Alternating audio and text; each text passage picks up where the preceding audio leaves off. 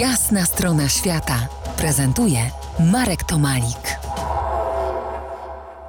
Po jasnej stronie świata Krystian Bielatowicz, artysta, fotograf i filmowiec. Rozmawiamy o krajobrazach Islandii tropami filmu fabularnego Godland. Nauka jazdy konnej przed wyruszeniem w wędrówkę, niepewność. Pamiętasz te sceny? Krajobraz tonie Mhm. We mgłach. Czy to tylko mnie się zdaje, że tu pierwszoplanowym bohaterem jest właśnie krajobraz?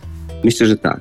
Islandia to krajobraz, to pogoda, to, jest, to są żywioły przede wszystkim, ponieważ mm, dla mnie, y, ja bardzo jestem uważny na żywioły. Gdziekolwiek jadę, zwracam na to uwagę. Islandia to jest taka kraina wody i wiatru i ziemi, ognia również, ponieważ są wulkany, chociaż kiedy pojawia się człowiek, on jest niesamowitym odniesieniem do tego brzmiego krajobrazu. I w tym filmie, gdybym ja kręcił film, to nakręciłbym, to jest taka dla mnie inspiracja, nakręciłbym go właśnie w takim klimacie, że ten człowiek jest taki malutki i poprzez tego człowieka pokazuje właśnie ten surowy klimat Islandii. Forsowanie rzeki to są kolejne kadry, trochę słonka, szczypta nadziei. Tutaj tak jak gdybym próbował, że tak powiem, nadążyć za tym krajobrazem, który, który rozgrywa się oczywiście gdzieś tam w, w umysłach tych ludzi, którzy tam są. Krajobraz górą, ludzki głos tylko uzupełnieniem, a nie na odwrót.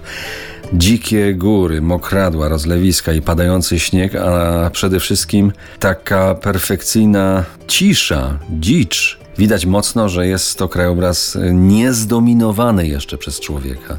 Twoje obserwacje pewnie są podobne.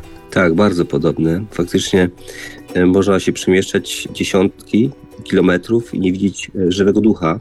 Natomiast zaskakujące jest to, myślę, że oglądając filmy, na przykład jakieś historyczne czy fabularne o wikingach, czy właśnie będąc na Islandii, czy widząc ten film, widzimy ludzi, którzy przemieszczają się na przykład, przechodzą przez rzekę, prawda, w swoich ubraniach i nie przejmują się tym, że są mokrzy i to jest niesamowite, albo są ubrani z naszej perspektywy skąpo.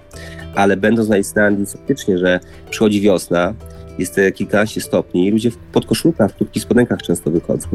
Wow, ja, ja nie mogę wyjść z podziwu, naprawdę, do tej pory. No i kolory, kolory mocne są, choć niedoświetlone, no bo taka pogoda jest, tak jak mówiliśmy, deszczowa. Różne odcienie zielonych, trawiastych łąk, różne odcienie szarości skał i, i ta pogoda dla wędrującego człowieka jest y, zła, jest zimna, jest mokra, no ale dlatego, że no, scenariusz jest taki, bo Mhm. oni muszą iść do przodu i oni znają swoją drogę, natomiast ten główny bohater nie za bardzo. Chyba nie, nie warto zdradzać może więcej tutaj historii o bohaterze i tej drodze, ale ten, faktycznie widzimy Islandczyków miejscowych widzimy, jak oni są przyzwyczajeni do tego klimatu i, i tego przybysza, który z każdym kadrem, z każdą minutą zmienia się. No ale to może pozostawmy widzom, prawda? Ponieważ to też jest ciekawa transformacja człowieka, pokazana właśnie jak się zmienia w trakcie tej podróży. Tak, tak, tak, tak.